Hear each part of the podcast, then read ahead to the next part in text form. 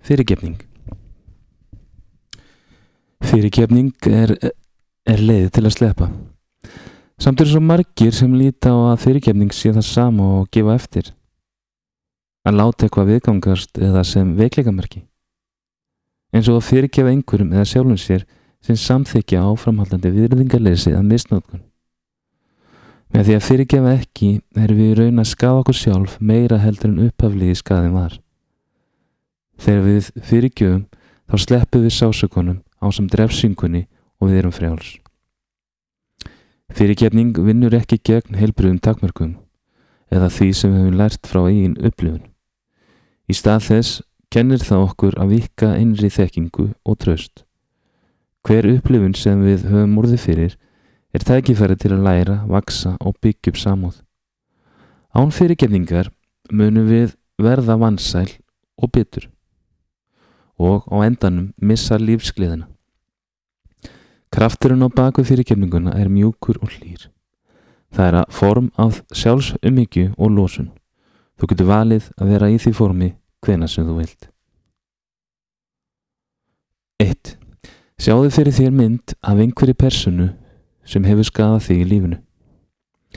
Taktu eftir hvort þú sérst enþá að upplifa sásökan. Ef ekki, fyndi þá frelsið við að sleppa takinu. Ef þú ert enþá að upplifa sásöka, spurðu sjálfan þig hvernig þetta er að snerta þig í núinu. Skrifaða niður hvað er jákvægt fyrir þig og hvað er neikvægt. Listin mun síðan útskýra sér sjálfur.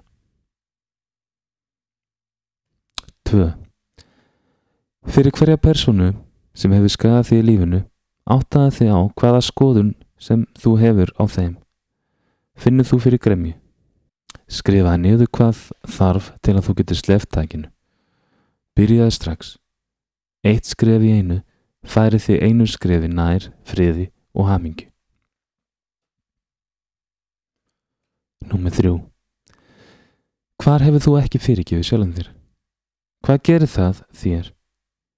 Hvernig myndi þér líða ef þú sleftir og veitti þér frelsi? Fáðu skýra mynd í hugan, skrifa hana niður, festu myndina í hugunum og hafðu það sem þú skrifaðir niður einhver stað þar sem þú sér það alltaf. Fjögur. Stiltu þig inn á reynan kraft af fyrirgefningu með því að loka augunum og fyndu kyrðina í sálu þinn og hjarta. Róaði hugan og líkamann.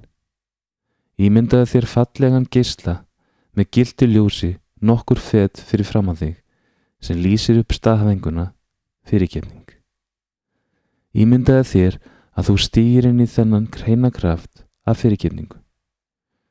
Fyndu hvernig þið líður. Láttu nú allan líkamann umvefjast þessari orku. 5. Þegar þú er tilbúin að fyrirgefa, ímyndaði þér að einhver sem þér gremst standi fyrir fram að þig.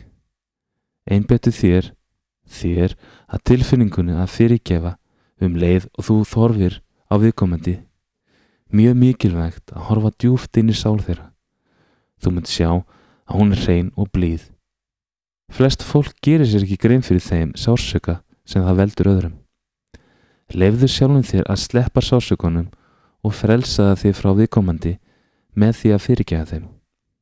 Fyrirgefðu sjálfum þér. 6. Næst þegar einhver særi þig, spurðu sjálfan þig hvernig þig langa til að líða. Langa þig að vera reyður, sár og gramur eða viltu freka vera hamingjössamur og frjáls. Ef þú ert tilbúin að líða betur, veldu þá að fyrirgefa, sem er í raunum leið til að sleppa. Skilgrendu síðan hvað takmörg þú vilt setja gagvart viðkomandi eða þú getur líka valið að þú viljir ekki hafa þessa manneski í lífið þínu meira. Valið er þitt. Að fyrirgefa er eins og að fanga frelsi og uppgötva að fangin er þú sjálfur.